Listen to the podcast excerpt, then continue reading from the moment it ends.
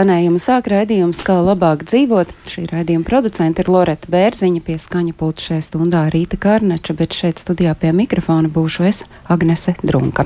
Mums sola bargu rudeni, sola bargu ziemu. Toms Brīcis gan šorīt ir teicis, ka varbūt nebūs tik barga, bet, nu, būsim godīgi. 27. jūlijā saprast, kāda būs tā ziema, ļoti precīzi mēs nevaram, bet šodien mēs uzmanību vērsīsim uz to, kā tad mēs silti sildīsimies šoziem, kādi apkurs veidi būs prioritāte, kādus vispār varēsim atļauties un ar kādiem spēsim sevi nodrošināt, kur sarūpēt malku, kur dabūt briketes, kas ir ar šķeldām un granulas pirkt tagad vai pagaidīt vēl kādu brīdi. Gan praktiski padomi, gan ieteikumi, tas ir tas, kas būs šajā stundā raidījumā, kā labāk dzīvot. Klausītājs atgādina, ka arī jūsu jautājumi tiek gaidīti šeit. Jūs varat gan zvanīt mums, mums. Telefona numuri ir 6722, 559, un 672, 888. Un varat arī ļoti ērti sazināties ar mums, ieejot Latvijas Radio 1 mājaslapā, rakstot ziņu raidījumam, kas tieši šobrīd skan ēterā, un tad tas iekritīs uzreiz šeit pie mums. Pirmā vēstule jau ir iekritusi. Kas ir eh, studijā, kas ir tie eksperti, ar kuriem sazinoties, jūs varēsiet uh, uzdot savus jautājumus. Akcijas sabiedrības Latvijas valsts meža pārstāvis Jānis Tomas Skotovičs. Sveicināti! Labs rīts! Latvijas biomasas asociācijas Latvijas valdes priekšsēdētājs Digis Pālējs. Sveiki! Labrīt, labrīt, Latvijas neatkarīgo meža izstrādātāju asociācijas izpildirektors Artūrs Bukons. Sveiki! Kādām sajūtām katrs no jums gaida rudeni un apkurss sezonas sākšanos? Ja man jāsāk, uh, tad, eh, protams, ka mēs laiku šobrīd prognozēt nevaram eh, to, kāds būs. Eh, es teiktu, ka ļoti svarīgi ir, lai katrā mājsaimniecībā būtu kaut kāda rezerve tad mēs daudz drošāk varam pārdzīvot, vai tā zima būs augsta, vai viņa nebūs tik augsta. Vismaz, ja mēs runājam par malku, tad man jau vecais tēvs mācīja, varbūt tā ir tāda latviešu dzīves ziņa, ko mēs esam piemirsuši, ka malkai ir jābūt vismaz trīs gadu rezervei kārtīgā lauku mājā vai mājā, ko apkurina ar malku. Ja šāda rezerve ir, tad es domāju, ka var sagaidīt pilnīgi bez bažām cilvēki to kā būs. Bet, eh, bet tur, kur mēs kurinam nevis ar atjaunojumu resursu, tātad ar malku vai šķeldu vai granulām, bet tur, kur mēs kurinam ar gāzi.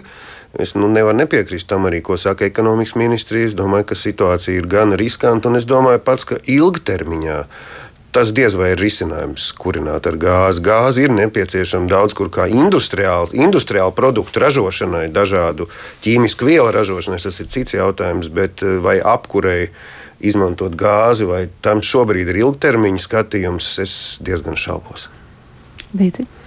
Jā, nu, man tā sajūta ir ļoti līdzīga kā, kā Tomasam.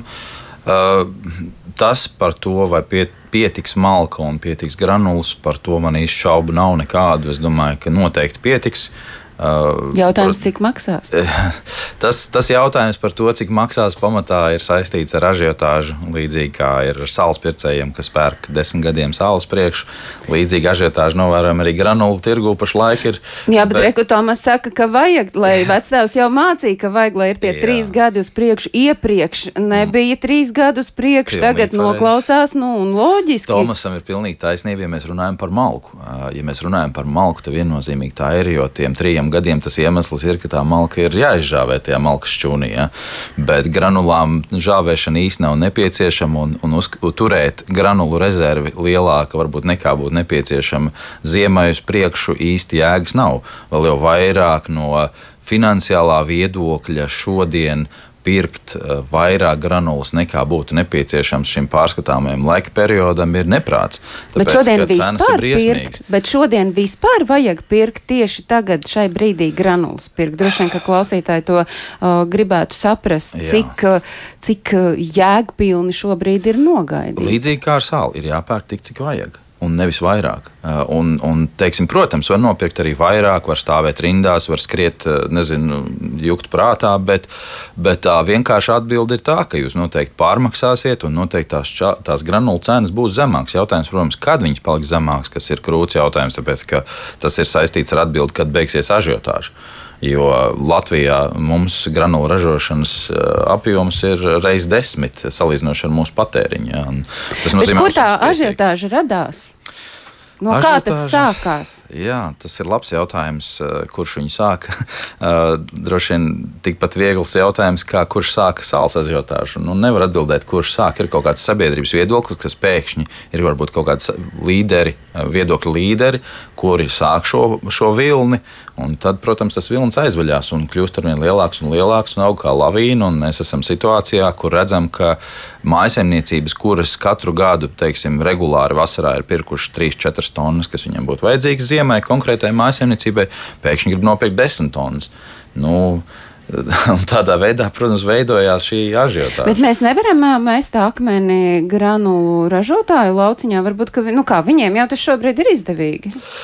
Viņiem tas ir izdevīgi pavisam uh, nosacīti, tāpēc, ka, protams, ja paskatās uz elektrības cenām, kuras ir vairāk kāršojušās uh, ražošanai, ja paskatāmies uz izējuma materiālu, kurš ir ļoti strauji kāpis un arī vairāk kāršojies, jā, tad, protams, tas iegūms ir uh, salīdzinoši niecīgs. Vēl jau vairāk uh, ar to, ka granulu nozara vispār uh, pamatā ir uh, augusi un attīstījusies balstīt uz eksportu. Un, uh, jo vietējais tirgus vienmēr ir bijis mazs, un granulu ražotāji vienmēr ir vēlējušies, lai šis vietējais patēriņš attīstās un lai viņš ir. Un, uh, un, un, un, un tā nu ir sanācis, ka viņš, ir, viņš nav strauji audzis kaut kādus iepriekšējos gadus. Uz doto brīdi, paldies Dievam, viņš aug. Un, un granulu ražotāji interesēs ir, lai šis vietējais patēriņš attīstītos. Un tādēļ visi ražotāji dara, ko var, uh, lai šo vietējo tirgu apmierinātu. Protams, ir kaut kādi iepriekš noslēgti ilgtermiņa līgumi, kā ražošana ir būvēta tie jāpilda, bet uh, visu, kas paliek brīvs uz doto brīdi, tiek, tiek dots vietējā tirgu. Un cilvēki, kas ir interesantākais, kā jau teicu, panikas veidā pērk milzīgs apjoms. Bet tad jūs ieteiktu vienkārši ne. Nu, nepirkt vairāk, nepirkt vairāk kā vajag tikai tik, cik vajag šai jā, ziemai, jā, un varbūt tā. nopirkt, es nezinu, cik vērtīgs ir šis padoms nopirkt kaut kādu daļu tagad, nu, lai tur, es nezinu, novembri, decembri, un tad uz janvāru, februāru pirktu nākamo Nu, tas, es, es teiktu, ka ir jāpērk tik, cik vajag šai ziemai. Ar to lielākā daļa, man liekas, mājsaimniecības jau ir nodrošinājušās. Eh, kas varētu arī izraisīt situāciju, ka, eh, ka tas granulu pieprasījums diezgan drīz varētu arī krist. Jo ir arī teiksim, mūsu lielākais granulu ražotājs, eh, granulu grupa, kura ir pat viena no savām industriālajām rūpnīcām pagriezusi uz prēmiju tirgu un ražojas, ražo, sāk, ražo tieši šīs prēmiju granulas. Ja, ja nemaldos, 3-4 tūkstoši tonu mēnesī, kas iet vietējā tirgu katru mēnesi. Nu, Rekur kāds klausītājs jau ir uzrakstījis, ka 80% no vajadzīgajām granulām ir sapirkts dārgi Ziemā būs mazāk dēsas uz maizes, bet vismaz silti. Paldies Mārtiņam par šo vēstuli. Artur, kādām sajūtām jūs uh, gaidāt rudeni? Jā, nu tās sajūtas ir divējādas. Uh, pirmkārt, nu, no vienas puses ir uh, prieks, ka beidzot mēs sākam valstiski domāt par mūsu enerģētisko neatkarību. Ļoti žēl ir tas, ka, lai nu, mēs to sāktu darīt, mums vajadzēja šādus notikumus kā karš Ukrainā, piemēram. Un, uh, ko tas nozīmē meža strādē, transportā, pārvadājumos. Nu, ja Digis saka, ka uh, granulu un šķeldes mums pietiks, viņam ir taisnība, ja mēs runājam par to, par pieejamiem resursiem koksnes ziņā. Tanī brīdī, kad mēs skatāmies uz tiem cilvēkiem, kas, kam tas fiziski ir uh, jāsagatavo, jāpieved, uh, jāsašķeldo un, un jāpiegādā ražotnēm vai, vai katlu mājām, tad tā situācija ir krietni bēdīgāka. Tieši tāpatās kā mežā nekas nenotiek ātri. Arī šis pakalpojumu tirgus, meža strādes pakalpojumu tirgus, viņš nevar būt, nu, nespēja tik ātri reaģēt. Ja mēs, piemēram, zinām, ka darba spēks trūkst absolūti visās nozarēs, un it sevišķi šādās tā salīdzinoši sarežģītās, tad tā ir tieši tāpat lieta arī par meža saimniecību, kur no vienas puses mums ir pietiekoši daudz konkurentu transportā, tie ir kravu pārvadājumi, visi cita veida meža strādāji, tie paši lauksaimniecības uh, sektors, ja, kas, kur mēs cīnāmies par darba spēku. Un to nevar, ja tur ir diezgan specifiskas zināšanas un prasmes nepieciešamas, to nevar izdarīt tā aizgājām, ieslēdzām, un, un viss notiekās. Tas ir pietiekoši ilgs process. Ja mēs skatāmies uz meža mašīnu operatoriem, tad nu, tipiski jaunietis tur mācās četrus gadus. Jā, ir īsāks programmas, cilvēkiem ir iepriekšēja pieredze, bet tās arī ir gads, pusotrs, lai mēs varētu runāt jau par pamatzināšanu bāzi. Arī esam noteikti dzirdējuši par to, cik viegli šobrīd ir nopirkt, piemēram, kādu jaunu vieglu automašīnu. Nu, cik ātri mums viņa tiks piegādāta. Labākais gadījums - gads, pusotrs. Nu, tieši tas pats ir arī meža strādes un šķeldošanas tehnikā kad, lai šo papildus jaudu kaut kur dabūtu, tas prasa laiku. Tāpēc ir tiešām žēl, ka mēs par šo sākam nu, domāt valstiskā līmenī salīdzinoši vēlu. Plus, vēl, protams, ir tas fons. Nu, tagad to visu paskatoties, ja mēs sakām, ka tagad jā, mēs visu varam izstrādāt uh, un, un, un nocirst vai nozāģēt, nu, tad pēc fakta to nav iespējams pat izdarīt, lai kā mēs gribētu. Tur būs būtiski jāiespringst arī, arī mums, jāsās kādā veidā nu, palielināt gan pieejamo resursu, vai tas ir ceļot atkal algas šiem atslēgas cilvēkiem, vai tas ir optimizējot kaut kādas tehnoloģijas procesus, vai pārceļot no nezinu, viena sortimenta ražošanas uz otru. Bet tas atkal tas ir, ir runa par kaut kādām izmaksām nu, kas ietekmēs pēc tam to, cik cilvēks uh, maksās, maksās par, par to gala. Šajā tirgu tās svārstības milzīgās nekad nav labas. Nu, nu, tas, ir, tas ir vienkārši fakts. Un, un, un tas vienmēr visu padara dārgāk, ja mēs nevaram tā pakāpeniski attīstīt nepieciešamās jaudas un zināšanas. Jā, nu, te klausītājs arī saka, ka vai vispār nav par vēlu jau gatavoties apkuras sezonai. Viņš gan piemina vietu, kur dzīvo purvciemu un saka, ir ar iedzīvotāju kūtrumu būšot ļoti dārga ziema, un tad arī uh, uzdod tādu jautājumu, uz kuru gan es domāju, neviens klātesošais īsti nevarēs atbildēt, kāpēc Rīgas siltums nav izveidojis iespēju kurināt uh, šķeldu atkritumu skūdru. Tas ir Rīgas siltumam droši vien jautājums, ne uh, studijas viesiem, bet studijas viesiem es varu jautāt nu, par to pašu malku. Uh, kur tad cilvēks var dabūt malku, ja viņam nepieder pašam īpašums? Jā, tas droši vien visvairāk jautājums ir man. Pirmkārt, eh, pirkt malku tirgu tādā formātā, kā tā ir pieejama. Ir iespējams nopirkt jau sazāģētu un saskaldītu malku, ir iespējams nopirkt malku, kas ir jau izžāvēta. Tas noteikti ir luksus produkts par ļoti dārgu cenu, bet eh, ir cilvēki, kas malku žāvē šādā veidā, mākslīgi kautē. Eh, krietni lētāk ir jau nopirkt malku apaļkoku formā, ko piedāvā gan Latvijas valsts meži, gan privātie meža īpašnieki. Parasti tas ir viena kokvedēja forma. Tas nozīmē, savukārt, tā konsekvence ir, ka jums ir jābūt pirmkārt, kur nolikt apmēram 30 kubikmetrus malkas, kas ir vismaz 45 steri. Otrakārt, jums ir jābūt, ko ieguldīt, tā nauda, jo parasti vienai normālai mājai ar tādu pietiek divus, trīs vai pat četrus gadus, ja māja ir labi noizolēta. Un nemazāk būtisks ir, vai pie mājas ir normāls piebraucamais ceļš. Mēs Latvijas valsts mežos šogad esam uh, vērojuši pakā, sakāpinātu interesi par malku. Patiesībā ļoti līdzīgi kā Digis teica par granulām. Uh, ir tādi cilvēki, kas ir gadu gadiem pirkuši no Latvijas valsts mežiem, kas zina, ka šis ir godīgs piedāvājums, godīgi nomērīts, bez kādiem problēmām. Bez zemūdens akmeņiem. Bez zemūdens akmeņiem. Bet tie, kas nāk no jauna, viņi bieži neaptver to, ka pie viņu mājas nevar piebraukt kokvedējs. Un mūsu pārdošanas speciālistiem šobrīd tā tā, tā ir nopietnas galvas sāpes. Izvērtēt, vai pie tās mājas var vai nevar piebraukt. Ir daudz, kur privāti mājas, manuprāt, ļoti nepareizi sabūvētas ciematos ar ārkārtīgi šaurām ielām, kur knapi ar vieglu automašīnu izbraukt, divas nevar izmainīties. Ar tos noteikti pateiks, ka kokvedēji tur nekā nevar iebraukt, bet savādāk baļķu formā malku atvest nevar. Tad jums atliek pirkt, protams, jau dārgāku, ar augstāku pievienoto vērtību, mazāk kravas mašīnītē sazāģēt un saskaldīt. Bet ir vēl viena lieta, ko vēl šogad noteikti var izdarīt. Tas ir padomāt, vai jums ir pietiekami nosiltināta māja. Protams, ka jūs man tagad teiksiet, nevar purciemā lielo projektu sākt visu māju pārsiltināt. To vai šogad nepaspēs. Jā, bet tie, kam ir privāta māja vai pat dzīvoklis, var padomāt par lokālu siltinājumu. Varbūt kaut ko vēl uz sienas uzlīmēt, lai siltāk pārbaudītu logus privātmājās, varbūt jums kādreiz par to atsevišķu raidījumu jāuztais, jo, jo es neesmu absolūts eksperts tajā, bet ap 50% no siltuma parasti aiziet uz augšu, ja vien logi nav šķirbaini. Tātad bēniņos padomāt, vai nevar vēl kādu papildus izolāciju uzlikt, vai nu akmens vats formā, vai varbūt pat tā kā senos laikos nopirkt un sausu kūdru nobērt 20 vai 30 centimetrus, un jūs uzreiz arī ietaupīsiet siltumu. Jautājums par to, tad, kāpēc ir malkai cēlusies cena, to jautā klausītāji, kas to ir sadārdzinājis atkal tikai tāpēc, ka ir, ka ir audzis pieprasījums? Noteikti jā. Protams, tāpēc, ka uh, malka, mums ir brīvs tirgus visiem koksnes produktiem, kuru nosaka pieprasījums un piedāvājums. Nu, tas ir pilnīgi skaidri un loģiski. Uh, tajā pašā laikā, protams, ka šo cenu velk līdzi arī pārējo energoresursu cenas. Ja mēs skatāmies gāzes cenu, es pats šorīt braucot uz šejienu, tā parēķināju, ka šobrīd, ja iedzīvotāji saņem gāzi par 130 līdz 160 apmēram uh, eiro par megawattstundu, tad malka pat pie šā brīža cenām ir vismaz uz pusi lētāka, ja ne vairāk. Tad tas ir loģiski, ja viena cena iet uz augšu, Pārējais Vienam resursam viņš velk līdzi arī pārējo, viņš velk līdzi arī pārējos resursus. Jo rēķinat, kā gribat, pat tad, ja šobrīd jūs malku pērkat nu, varbūt par 85 līdz 95 eiro par kubikmetru apaļkoku formā, tas vienalga. Uh, Bet apaļkoku formā ir uh, zemākā cena.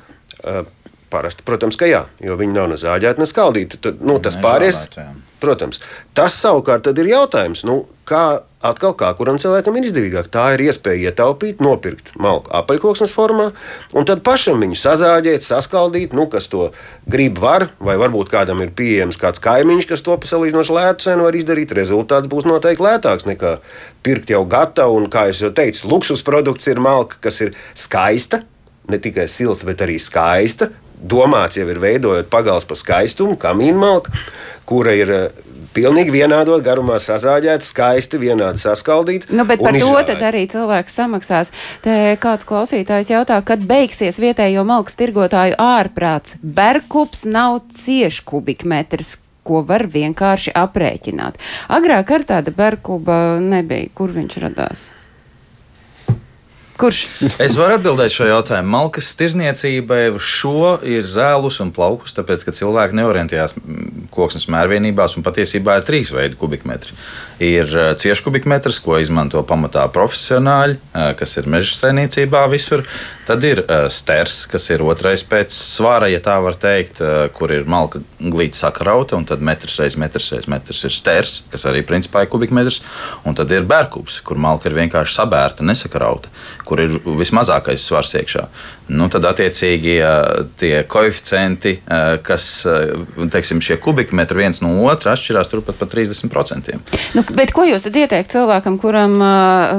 Es ieteiktu sevi izglītot un zināt, ko jūs pērkat, jo principā, nu, teiksim, vis, visobjektīvākais salīdzināt uh, sausu vai saskaldītu malku, protams, būtu sterā. Jo bērtā veidā atšķirās diametri, atšķirās bērnu veids, līdz ar to jūs pērkat kaķi maisā. Es nezinu, cik jūs nopērkat. Proti, ja piedāvā pirkt eh, bērkubi, jūs ieteiktu tomēr to uh, izvērtēt. Nu, es, es viennozīmīgi teiktu, ka bērkups, protams, ir vismazākais daudzums. Jā, malka ziņā, ja jūs sakrāmēsiet, jūs iegūsiet, protams, daudz mazāk. Bet eh, tad ir jāsaprot, ir jāzina atšķirība starp šo bērkupu un stēru apjomu ziņā. Un tā ir turpat kaut kāda 30-40%. Nu, tas izskatās lētāk, teiksim, it kā kubikmetrs cena izskatās lētāk, bet jūs reāli saņemat mazāk. Tā ir, uh, es atvainojos, lietošu uh, žargonu vārdu apčakarēšana? Gan jā, gan nē. Tās ir, tās ir dažādas mērījums. Es piekrītu Digim. Ja mēs gribam nomērīt precīzi, tad sters ir ideāla lieta. Jūs gal galā varat izkrāmēt to kravu, sakrāmēt, nomērīt, ak akurāt cieši sakrāmēt. Sters ir precīzi lieta. Bērkubikmetrs ir ļoti atkarīgs no garuma, cik nu smalki, kurš tur ir iebērs un tā tālāk. Bet nu, atkal tās cenas jau var salīdzināt arī bērkubikmetros, un tad jūs pie kaut kādas, pie kaut kādas mērvienības nonākat. Nu, tā tas ir. Precīzi mērījumi ir kubikmetrs apaļajam. Ir, ir iespējams nomērīt ļoti precīzi, un berkubikmetrs, es pat teiktu, eh, un stērs vēl precīzāk. Eh, runājot par malkas uh, ieguvi, uh, es saprotu, ka Latvijas valsts meža piedāvā tādu iespēju, nu, es viņu gribu salīdzināt ar uh, Ziemassvētku eglītes iegādi, bet ne tik vienkāršā veidā. Jā, tāda iespēja pastāv. Uz viņu gan arī šobrīd ir ļoti augsts pieprasījums, tā ka iespējams, ka būs jāgaida rindā. Bet šī iespēja ir veidota tikai vietējiem iedzīvotājiem, tiem, kas dzīvo blakus mežam, kas ir arī loģiski. Tad tā iespēja ir tāda, ka, ja kaut kur notiek meža strāde Latvijas valsts mežos, cirsma ir pabeigta, un ja šajā cirsmā uh, netiek visa koksne savākta enerģētiskai koksnei, tad tas siršanas paliekas tās iedzīvotājs, viņš var saņemt līgumu no mums, bezmaksas līgumu, bet līgumu, kurā ir nosacījumi, kā viņam jābūt apģērbtam, lai viņš ir ievērot visus drošības nosacījumus, tad viņš šo malku var savākt bez maksas. Un cilvēki to labprāt izmanto.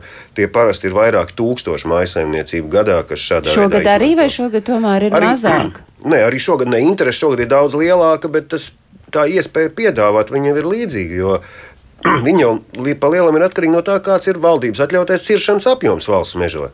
Un tad to, cik šādas vietas ir, kur to var darīt, tik arī šīs iespējas ir. Vairāk šo iespēju nav. Jūs minējāt, tad, ja paliek un uh, valsts meža neizmanto paši pārstrādēji uh, to, kas tur paliek, tādu vietu ir daudz. Tādas vietas ir, kā jau teicu, tas ir vairāki tūkstoši katru gadu. Ir šāda vietu, uh, ir šāda iespēja. Protams, ka jāsaprot, ka arī šeit, šeit savukārt, protams, ka jūsu ieguvums ir, ka jūs šo, šo dedzināmo koku, nu, viņi bieži ir mazāks kvalitātes malka, uh, ka, ka jūs viņu saņemat bez maksas, bet tas mīnus ir tas, ka tas ir pietiekami grūts darbs viņu savākt. ne visur var kaut kāda tehnika iebraukt tajās sirsmās. Tas nozīmē, ka bieži tur ir ļoti daudz roku darba. Nu, tas, tas arī tas prasa darbu. Te gan kāds jautā, kādēļ pēc uh, cirsmām šo vācamo malku nākas atrast pašam un tikai tad meškopji izraksta atļauju to vākt. Vai nevar būt tā, ka es vienkārši vēršos pie meškopja un viņš saka, kur tad būs tā tuvākā cirsma? Vai cilvēkam tomēr pašam ir jāveic tas izpētes darbs, lai viņš saprastu, kur viņš var pie malkas tikt? Parasti, jo tuvāk mežam cilvēki dzīvo, jo vieglāk viņiem šo ir saprast. Viņi parasti to pārunā attiecīgi ar meža meistaru un vienojas. Uh, briketes. Kas ir ar uh, briketēm šobrīd un kā mums saprast, uh, nu, līdzīgi kā ar malku, tur uh, bērklups, sters, uh, kubikmetrs, uh, kāda ir tā brikešu situācija šobrīd? Ar, ar briketēm situācija ir uh, ļoti līdzīga. Tieši tas pats ažiotāžs cilvēki cenšas piekt vairāk. Um, brikešu īpatnība varbūt ir tā, ka uh, liela daļa brikešu uh, tiek cilvēki, nu, tā kā briketes ir viens no lētākajiem veidiem pēc malkas. Malka varbūt ir vislētākais. Tad brikešu patēriņā pārsvarā ir novērojams, ka briketes patērē maisaimniecības, kas ļoti tālu net, neplānos priekšu. Nopērk brikešu apjomu, nezinu, pusmēnesim, mēnesim. Ja, tad, teiksim, protams, viņus tas uz doto brīdi ietekmē ļoti. Tās pārsvarā ir maisaimniecības, kurām finansiālai līdzekļi varbūt neatļauj nopirkt veselam gadam. Un, un viņi, protams, ir apdraudēti, jo, jo tieši tāpatās tās brikešu cenas ir gājušas līdz visiem citiem kurināmajiem. Bet eh, brikešu ražotais apjoms uh, Latvijā nav samazinājies, respektīvi tās ražotnes, kas ir strādā, uh, patiesībā ir samazinājies eksportētais apjoms, jo mēs vēl pagājušajā gadā Eh, daudz vairāk eksportējām nekā tagad. Un, tā kā brikešu realizācija eksportā pamatā nav balstīta ilgtermiņa līgumos, bet pamatā ir eh, mirkļu darījumi. Tad arī uz doto brīdi šis vietējais tirgus ir tas, kas uh, absorbē daudz lielāku šo brikešu apjomu nekā tas tiek eksportēts. Nu, vēl tāda praktiska nianse, kā saprast, ka tā brikete ir laba. Nu, kas ir tas briketi, labu briketi raksturojošais lielums elements? Tas ir, tas ir ļoti labs jautājums, un tieši tādu pašu jautājumu var uzdot arī par granulām. Un tā vienīgā pareizā atbilde ir tā, ka uh, granulu vai brikešu kvalitāti var noteikt tikai tad, ja viņi ir aizvest uz laboratoriju un ir izmērīta energo. Tā uz aci neko. Uz aci pēc krāsas nevar pateikt. Cietība tur nu, cietība, smāržais, jā, ne, nezinu, cietībai, nu, cietībai gan taisnība ir nozīme. Ja redz, ka ir daudz smalkumu, nu, tad, protams, redz, ka ir, eh, ir tie smalkumi, bet, protams, arī tie ir sadedzināmi. Skaidrs, ka tā kvalitāte briketē varbūt ir nedaudz zemāka, bet viņi ir sadzināmi. Bet energo ietilpību var noteikt tikai un vienīgi laboratorijā, bet te viens varbūt varbūt viena piebilde vai padomas granulām, kad pērk teiksim, mājasemniecības granulas. Nu, vispār ir divi veidi granulas. Ir industriālās un ir mājsaimniecība. Tas ir līdzīgi kā, piemēram, lai saprastu, kā ir dīzels un benzīns. Tas ir, ja jūs ieliesiet benzīna mašīnā dīzeli, tad būs. Nu, tur ir viss, tad jā. ir viss, bet ja es ieliešu dīzelī benzīnu, tad tas, ķīsels. nu, bet jā. tas vēl ir glābjams. Tas salīdzinoši zemāk. Nu, šeit, ir, šeit ir ļoti šeit, līdzīgi, ja nu... jūs prēmiju, respektīvi, mājsaimniecības granulas iebērsiet lielajā katlā, viņš viņus apēdīs un nebūs nekādu kreņķu. Bet, ja jūs iebērsiet mājsaimniecības katlā industriālās granulas, tad, tad veidojās uzdegums, pelni sakusuši stikls veidojās, jā, jo ir lielāks pelnu saturs briketēs. Tas stikls ir granulās. Jā, arī, arī briketēs un arī mm. granulās. Bet kā tad es varu saprast, tas man vienkārši nav Jāskatās, ar granulām saistība. Tāpēc jā. es eh, domāju, ka tie, kas varbūt ir, eh, tiem, kam ir granulu katrs katls, kuri zina, kā tas izskatās, viņi spēj nu, to atšķirību noteikt. Jāskatās uz iepakojumu. Vai nu jāpērk ir no Latvijā certificētiem ražotājiem, un mūsu lielākā daļa, absolūti lielākā daļa granulu ražotāji ir N plus A1 certificēti, kas ir, ir A1, tā ir tā augstākā klase, kas ir maisaimniecību, maisaimniecību granulas. Gan drīz vai visi Latvijas ražotāji ir certificēti, un respektīvi šīs granulas atbilst ši, šim prēmijam klasei. Ja pērkam veikalā, tad raugamies, lai uz maisa ir šis N plus A1 certifikāta zīmoks, respektīvi, ka šīs granulas ir certificētas un viņas atbilst mājasemniecības patēriņam. Mēs eh, pēc eh, pavisam īsa mirkļa šeit sarunu studijā turpināsim arī pievērsīsimies klausītāju jautājumiem. Es atgādinu, ka šodien studijā ir akcijas sabiedrības Latvijas valsts mēži pārstāvis Tomas Jānis Kotovičs. Šeit ir arī Dīdzis Palējs, kurš ir Latvijas biomasas asociācijas Latvijas valdes priekšsēdētājs, un savukārt Ārtūrs Bukons pārstāv Latvijas neatkarīgo meža strādātāju asociācijas asociāciju un ir tās izpildu direktors. Klausītāja telefona numurs 6. 6722, 559, un 6722, 888, un varat rakstīt ziņu mums, ieejot Latvijas Radio 1 mājaslapā. Laiks jūsu jautājumiem. Tālruņa studijā 6722, 888, un 6722, 559, mūsu e-pasts klausītājs atlatvijas radio.lv. Un mēs turpinām sarunu raidījumā, kā labāk dzīvot par to, kā pārlaidīsim ziemu siltos mājokļos, praktiski padome apkurs materiālu izvēlēja akcijas sabiedrības Latvijas valsts meža pārstāvis Jānis Tomas Kotovičs, Latvijas biomasas asociācijas Latvijas valdes priekšsēdētājs Dīdzis Palējs un Latvijas neatkarīgo meža strādātāju pārstāvis Artūrs Bukons ir šeit studijā. Gana daudz jautājumu ir sakrituši no klausītājiem. Viens no jautājumiem ir par to, vai apkurē varētu izmantot atbilstoši sagatavotos siena ruļļus, kas daudz vietas sapūst uz lauka. Var? Var. Var izmantot tikai no absolūti specializētos katlos. Tāpēc, ka ķīmiskais sastāvs ļoti atšķirās no koksnes. Uh, ja šo, šo salmu vai sienu rulli uh, sasmalcinātu un mēģinātu dedzināt šķeldes katlā, tad šķeldes katls vienkārši apstātos. Tāpēc, ka vienkārši pelni izkūst stiklā, katls aizaug ciet un apstājās. Principā dedzināt viņus var, tāda pieredze ir arī Latvijā bijusi, tikai tas ir darāms specializētos katlos, kas spēj ar to tikt galā. Uz doto brīdi mums būtisku jaudu tādā, tādā lietā nav. Un kāpēc arī viņi nav attīstījusies vēsturiski? Tāpēc, ka šis resurss ir nepastāvīgs, respektīvi lauksaimniekiem tad viņš ir, tad viņš nav, un lielākoties viņš patiesībā kaut kam tiek izmantots. Tas, ka viņš uz doto brīdi tur stāv, tā tikai šķiet šķiet, ka viņam, viņš sapūs vai nevienam viņu nevajag. Patiesībā absolūti lielākā daļa tiek izmantot vai nu pakaišiem, vai nu lobarībai.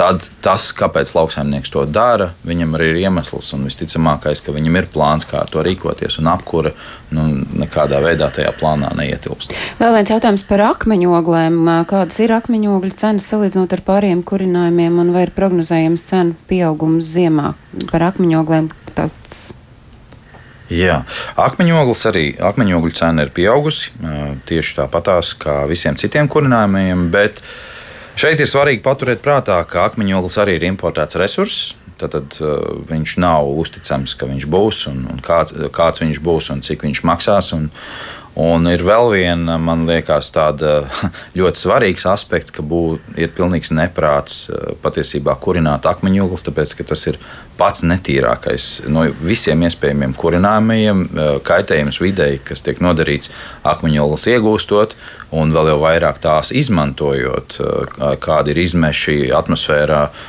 no skursteņa, un, un tas pelnu daudzums, teiksim, salīdzinoši, piemēram, tīrai koksnei pelnu daudzums ir apmēram Eh, turpat pusprocents tikai no kopējā svara. Eh, salīdzinoši akmeņoglēm ir līdz pat 30% zemākās klases akmeņoglēm. Tad, tad nu, tas ir nu, briesmīgs kurināmais. Tas ir kaitējums vidē un kaitējums veselībai. Briesmas, jā. Aizmirstam eh, tad šobrīd par akmeņoglēm, bet nu, loģika ir saprotama tiem, kam ir šis kurināmais savulaik izvēlēts, droši vien, ka lai pāriet uz citu, visticamāk tas ir arī ieguldījums un šķelda. Nu, tad, šķeldi ir tāds, man liekas, tāds šobrīd arī Latvijas sabiedrībai tāds sarkans lupats priekšā. Šķeldas cenas arī kāp debesīs iemesls ir vai tā kā raksta arī klausītāji, nu visticamāk tāpēc, ka daudz viet pāriet no gāzes apkurs uz šķeldu, un tad tas ir tas viens no iemesliem? Nē, galvenais iemesls šķeldas cenu kāpumam ir, ir tā, tas iemesls jau ir briedis gadiem. Un, un, protams, tagad ar šo, šo sakāpināto situāciju, ar kāru, ar, ar, ar draudiem, ka nebūs pieejama gāze, protams, un, un vispārēju energoresursu kāpumu. Viņš ir, protams, tas, tas burbulis ir uzsprādzis un ir skaidrs, ka um, tā šķeldes sagāde nav bijusi uh, uzbūvēta gana stabila. Viņa nav, teiksim, bijusi, piemēram, nav tik, tiktas veidotas strateģiskās rezerves, uh, piemēram, lielajiem patērētājiem, kas būtu viennozīmīgi saprātīgs solis, ka būtu šīs rezerves tiek veidotas kaut kādas, kas, uh, kas visticamākais. Nu, tagad tas tiek daudz diskutēts, tas tiek darīts, bet atgriežoties pie šķeldas cenām, uh, viennozīmīgi tās cenas kāpums pamatā ir izraisīts no vietējā tirgus ažiotāžas. Jo uh, visi cenšas arī saslēgt līgumus uz priekšu, bet ņemot vērā to, ka nav skaidrības, kas būs šodien un kā attīstīsies tālāk tirgus, līdz ar to arī tie ražotāji uz doto brīdi ir neziņā, un liela daļa ražotāju vienkārši neparakst šos līgumus, kas, protams, šos, eh, šīs katlumājas dzen vēl lielākā panikā, un viņi cenšas celt cenas, piedāvāt vēl vairāk, nu, vai tad par šī tik parakstīs, vai pat tik parakstīs, un tādā veidā tā cena mākslīgi iet uz augšu. Un tad mēs nonākam pie tā, ka lielo pilsētu pārstāvji jau spriež par to, to, ka vajadzētu izsludināt, krīzi, vajadzētu ierobežot eksportu. Šo mēs atstāsim, protams, kādam citam raidījumam, piemēram, raidījumam krustpunktā.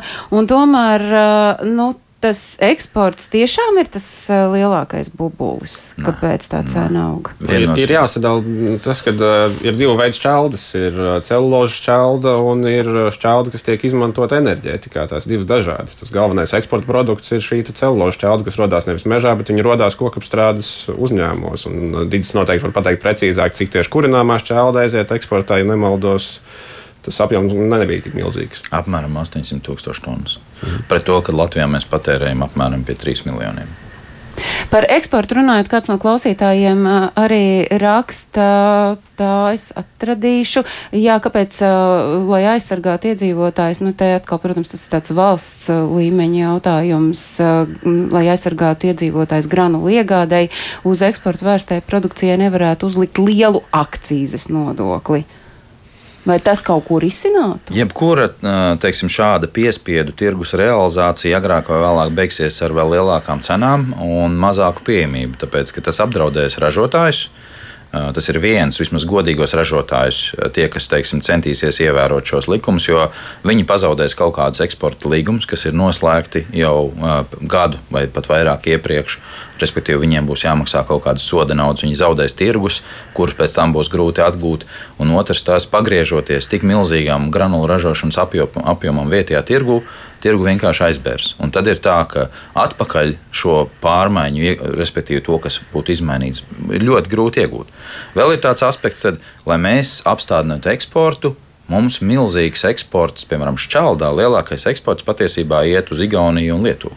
Tas nozīmē, ko principā vajadzētu aizvērt robežas mums. Uh, uzlikt, at, atjaunot robežu kontroli. Jā. Nu, tas, tas viss saistās ar to, ka, ja mēs paskatāmies pēc būtības, tas neko neatrisinās īstermiņā. Un patiesībā tas kaitēs kaut kāda pusgada laikā, tas būs atsitiens atpakaļ, kas kaitēs uh, ražošanas jaudām un kopējai pieejamībai, un patiesībā varbūt vēl pagarinās uh, cenas augstāku cenu līmeni. Bet cik es redzu, Digis, un tu varbūt vari apstiprināt, nu, tas eksporta apjoms šobrīd jau no februāra krītās, salīdzinot ar iepriekšējo gadu. Viennozīmīgi eksporta apjomus doto brīdi ir daudz mazāki nekā mums ir bijuši pēdējo piecu gadu laikā. Jautājums par uh, cenām uh, ir no kāda klausītāja. Skaidrojiet, kāpēc uh, ir tā, ka granulas Latvijā maksā, nu, piemēram, 4 kg 7,40 eiro, Zviedrijā vai Somijā 5 kg 5,40 eiro. Tātad tā cena kaimiņos Skandināvijā ir zemāka. Uh, man nav, protams, uh, informācijas, no kurienes šis cilvēks šo informāciju ņem, bet, uh, bet paraugoties Eiropas tirgu, cenu līmenis Viszemākais ir tieši Baltijas reģionā, vietējā, vietējais, vietējās, vietējās, vietējos veikalos. Salīdzinot, visaugstākais uz doto brīdi ir Francijā un Itālijā kur granulu cena ir turpat dubultā, dubultā salīdzinoši ar to, ko Latvijā var nopirkt. Un, un vēl, vēl, vēlreiz, un vēlreiz jāatgādina, ka tās nav um, normālas cenas, tās ir ažiotāžas izraisītas cenas, ko, protams, mazumtirdzniecība sajūt uzreiz, ka pieprasījums ir grandios un pirmais kāpums šajās cenās. To izraisa mazumtirdzniecība, jo viņi vislabāk jūt šo tirgu. Tas, ja varbūt kaut kur var nopirkt kaut ko par lēto, nu, ir tādas situācijas. Mums arī ražotāji, lielākā daļa ražotāju centās noturēt zemākas cenas. Viņi varēja eksportā pārdot turpat 400-500 eiro tonnā, un viņi joprojām turpināja tirgot Latvijas tirgu. 200, 220. Tāpēc, lai atbalstītu vietējo patēriņu, jo ilgtermiņā viņi saprot, ka, ja teiksim, mēs tagad diskreditēsim e, granulu ražošanu, un, un mēs nonāksim situācijā, kur cilvēki teiks, nē, pie mums nevar dabūt granulas un tā un šitā kopējais attīstība, kopēja attīstība mājsaimniecībā. Mazāk cilvēki izvēlēsies uzlikt granulu katlus. Tāpēc ilgtermiņā granulu ražotājiem tas nekādā veidā nav izdevīgi. Un daudz izdevīgāk ir šobrīd īstermiņā mēģināt šīs cenas noturēt, lai tomēr palīdzētu cilvēkiem šīs granulas nopirkt. Nu, ko jūs ieteiktu ģimenei dzīvos 100 kvadrātmetru dzīvoklī, ir gāzes apkūre? Ko darīt? Ilgtermiņā skatoties. Nu, ne tagad uz sitienu. Dzīvoklī ar gāzes apkuri, ja godīgi, tad. Nav, Pārvākties nav uz daudz, citu vietu. Nav daudz. Tas ir tas trakākais, tas ir tas biedējošākais, ka, ka, kad tik, tā ir milzīga atkarība no viena importēta, apdraudēta energoresursa. Un padomu, ko tur darīt, nu, neesam varbūt tie īstie eksperti, bet eh, nu, skatoties uz, uz to, ko mēs dzirdam, jūs iepriekš runājāt arī par eh, saules enerģijas iespējām un visām atbalsta programmām, kur tagad mēs dzirdam, ka tu varēsi paneļus varbūt uzstādīt kaut kur savā lauku īpašumā, bet elektrību tērēt uh, savā dzīvoklī, nu varbūt tas būs kāds no tiem nu, risinājumiem. Vēl ko Tomas teica, siltināt, jā. jā. Nu, skatīties, lai, lai tas dzīvoklis mazāk to siltumu izdala, kaut vai uz logiem mm. raudzīties, mazāk patērēt elektroenerģiju, lai vismaz kompensētu tur tās izmaksas ar elektroenerģijas izmaksu samazinājumu, nu, kaut kāda tāda veida, jā, bet nu, ko, nu, radikāli tur neko. Jā. Vairāki klausītāji liekam malā gāzes apkuru jautā par to, kā auzās, auzes tiek izmantotas kā kurināma un jā, ka daži lauksaimnieki tirgo graudus apkurei, graudi apkurei maisaimniecībai. Kas tas ir? Tas ir manā, man, manā pieredzē, nesmu redzējis nevienu maisaimniecību, kas, kas patērētu graudus apkurē. Tas, ka graudi tiek patērēti apkurē. Zinu, ka ir Dānijā, piemēram, kas ir brāķētie, apelējušie uh, graudi, ko nevar izmantot ne uh, pārtikā, ne lopkopībā, tos uh, pagriež uz apkuri. Tad ir uh, atsevišķas katlu mājas, kuras ir spējīgas šo produktu sadzināt. Tur šī problēma ir tieši tāda pati kā ar, ar salmiem vai sienu. Ķīmiskais saturs ir tāds, ka viņu normālā katlā nevar dedzināt, un, un normālam katlam viennozīmīgi būs problēmas. Laukos skaldīt malku no privāta pārdevēja ir lētāka nekā valsts mēža apaļkoks. To var nopirkt tikai retais. Jā, nu, cenas, tas, kā veido cenas Latvijas valsts meža, tas ir balstoties uz tirgus cenām, tirgus cenas mums nosaka, mēs visu laiku pārdodam malku uh, uzņēmumiem uh, dažādu izsoļu formātā.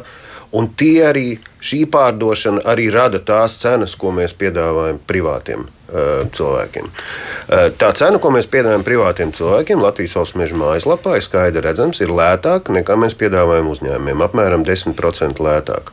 Eh, tāpēc tur arī ierobežojums par to, cik daudz var nopirkt.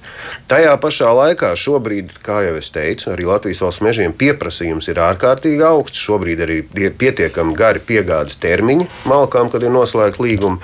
Un tāpēc, ja ir šī iespēja nopirkt, skaldīt malku kaut kur lētāk, es teiktu, cilvēkiem noteikti izmantojiet šo iespēju un pērkat to tagad. Varbūt... Bet šeit ir vēl tūlītās, bet šeit pabeidzot, mēs ļoti daudz runājam par šo ažiotāžu tūlīt pirksim, malku, rudens ir tuvu.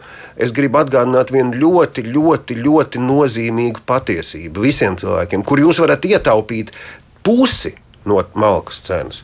Ja jūs iedomājaties, tagad nopirkt skaldīt malku un viņu rudenī kurināt, viņa būs visdrīzāk mitruma procents aizvien 50 vai 40 vai varbūt 35, un jūs iegūsiet no kilograma malkas tikai kādus 2 kW enerģijas. Ja jums malka būs divus gadus izžāvēta vai kārtīgi mākslīgi izkaltēta, ar mitruma procentu 20 vai cerams pat 15%, jūs iegūsiet 4,5 tuvu 5 kW. Saprotat, tā ir nenormāla starpība. Un tas ir tas, ko es iesaku. Tie, kas kurina ar malku, nu darat atkal ņemat palīgā vectēva idejas. Nenesat malku no āra un uzreiz nekraujiet iekšā krāsnī. Jūs zaudējat naudu, tur tā nauda izkūps kurstenī ienesat tā, lai jums ir tajā siltajā telpā nedēļas rezerve ar malku, un visu laiku viņi rotējat, lai tā malka vēl līdz galam piežūst un iesilst. Tādā veidā jūs no katras pagalītes dabūsiet ārā maksimālo siltumu. Un, protams, kad domājat par to, kas ir efektīvs krāsnes, eh, ar labu, efektīvu kurināšanu, eh, kas, nu, kur liederības koeficients, es teiktu, malkai šobrīd ir iespējams pat virs 80%. Īpaši, teiksim, nu, skomas, skandināvu veidotās podziņu krāsnes, kas ir pilnīgi jauna tehnoloģija pret veco laiku podziņu krāsni. Būtībā ar dubultu sadedzināšanu, kā arī gāzi, kas rodas no malkas, tiek sadedzināta. Tas ir tas veids, kas ir jādomā tikpat daudz, kā, kā lētāk nopirkt. Lētāk nopirkt un iztērēt naudu gaisā, izpūst pilnīgi bezjēdzīgi. Artūrs gribēja piebilst. Man bija tāds provokatīvs jautājums, varbūt klausītājiem. Kad jūs pēdējo reizi pērkot malku, paprasījāt čeku vai rēķinu? Nē, šim jautājumam ir vēl dziļāks zemūdens akmens. Cilvēks noteikti salīdzina berkubu cenu ar cieškubu cenu. Atšķirība ir reizes trīs apjomā. Respektīvi, Latvijas valsts meži tirgo cieškubā. Un pieņemsim, ja cieškubikmetra cena ir 100 eiro un bērkubika cena ir 70 eiro, tad patiesībā šis 70 ir jāreizina ar 3. Un īstā cena par cieškubikmetru šīm privātajiem tirgotājiem ir 210. Tas, tas, ir, tas ir tas, ko mēs jau aizskārām agrāk šajā sarunā, ka cilvēki ne, nesaprot atšķirības starp šīm mērvienībām. Kups nav kups, ir trīs veidi kubikmetru. Jautājums par to, kādas vispār ir prognozes mūsu valstī par malkas pieejamību valsts mežos un droši vien arī privātajos. Jo uh, valsts mežos vienkārši tiek veidots jaunas aizsargājams teritorijas, un tie, es saprotu, ir vairāki desmit tūkstoši hektāru platībā. Jā, tās ir liels platības. Šobrīd tuvojas jau ceturdaļai teritorijas aizsargājumās platības Latvijas valsts mežos. Un, protams, ka šīs teritorijas eh, ļoti daudz ko dod bioloģiskai daudzveidībai. Viņas dod dažādu dabas vērtību saglabāšanai, bet neko vairs nedod eh, ne Latvijas apkurei, tad ne energo neatkarībai eh, ne arī Latvijas materiāla neatkarībai, kas mums arī ir nepieciešama. Nu, šis ir jautājums, kas ir jāizlīdzsvaro. Un, Un, eh, nu, mēs aizvien gaidām Latvijas valsts mežos. Būtībā visa meža nozara gaida arī, kad, eh, kad eh, varams pabeigs vērtējumu, bioloģiskās daudzveidības viņiem ir jāveic vērtējums ietekmi uz cilvēkiem, uz jums, lauku cilvēkiem, pilsētniekiem, ietekmi uz vidi un ietekmi uz ekonomiku šai potenciālajai skaitīšanai. Tas bija jāizdara jau sen, bet šis darbs vēl nav pabeigts. Otra jautājuma daļa, ko jūs teicāt par to, kāda ir malkas pieejamība, es teiktu, ka malkas pieejamība mums Latvijā ir pilnīgi pietiekama, lai nevienam nevajadzētu salt. Kur ir tā lieta? Ir sortiments malka, nu, ko mēs saprotam, malka. Bet turpat blakus ir papīra malka, tehnoloģiskā koksne, un tas ir cenas jautājums. Un ik pa brīdim, tā jau šobrīd gadās, ir īpaši e, vairāk e, Latvijas pusē, kur ir ļoti dārga transportēšana līdz Rīgai vai līdz lielajām pilsētām, ka arī e, papīra malka vai tehnoloģiskā koksne nonāk tajā pašā cenā, kādā ir malka, un līdz ar to uzreiz malkas apjoms divkāršojas, trīskāršojas vai četrkāršojas. Tā jāsaprot viens. Viss ir atkarīgs no pieprasījuma, un malka aizvien šobrīd Latvijā ir pats lētākais enerģijas iegūšanas veids. Nekā vēl lētāka nav ne gāze, ne elektrība, ne, ne, nav citas lētākas enerģijas. Nu, es uzskatu, ka kurinot ar malku, turot šo divu, trīs gadu rezervīti, cilvēks nu nekā nevar nonākt situācijā, ka viņam vairs nav neviena pagala, ko, ko likt krāsnī, ka, ka tūlīt viss apstājas. Kā, saka, kā tas notiek, aizgriežot krānu gāzes vadam? Jā, jautājums, cik daudz cilvēku var šo malku izmantot kā kurināmo. Laukos noteikti jā, bet kas ir ar pilsētām, to jau mēs paši zinām. Nu, tad vēl no seniora noslēgumā, kurš saka, ka valsts mežiem godīgi būtu saviem iedzīvotājiem tirgot par pašizmaksu, jo tie taču ir visas tautas meži. es nevaru nepiekrist, klausoties šajā senioru teiktajā, bet ir viena milzīga problēma. Un tas ir pārbaudīts jau 90. gados, kad bija tā doma, ka no valsts mežiem vajadzētu iedot katrai jaunsaimniecībai kādu baļķīti.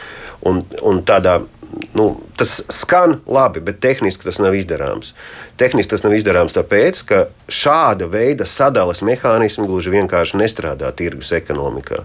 Tas nozīmē, to, ka radīsies sekundārais un trešais tirgus, un rezultātā nu, pēc visas šīs situācijas rezultātā malku nedabūs ne seniori, ne arī kāds cits, bet tā būs vieta, kur zelt dažādām spekulācijām un, un tādām lietām. Nu, visā pasaulē ir pierādīts, nu, OPEX to dara. Mēs to redzam skaidri tajā brīdī, kad cena ir par augstu, ir, ir, ir jāpalielina piedāvājums vai jāsamazina pieprasījums. Tas ir tik vienkārši. Nav cita veida, kā regulēt ekonomiku. Paldies šai reizē par sarunu. Es saku Latvijas valsts meža pārstāvim Jānim Tomasam Kotovičam. Es saku paldies Latvijas biomasas asociācijas Lat biovaldes priekšsēdētājiem Didzim Palējam un Latvijas neatkarīgo meža strādātāju asociācijas izpildu direktoram Artūram Bukontam. Droši vien viela pārdomām ir ikvienam no mums pārskatīt gan jau ka savus paradumus, izglītoties to starp par uh, malkas mērvienībām un tad droši vien pieņemt to sev uh, svarīgo lēmumu. Kā labāk dzīvot?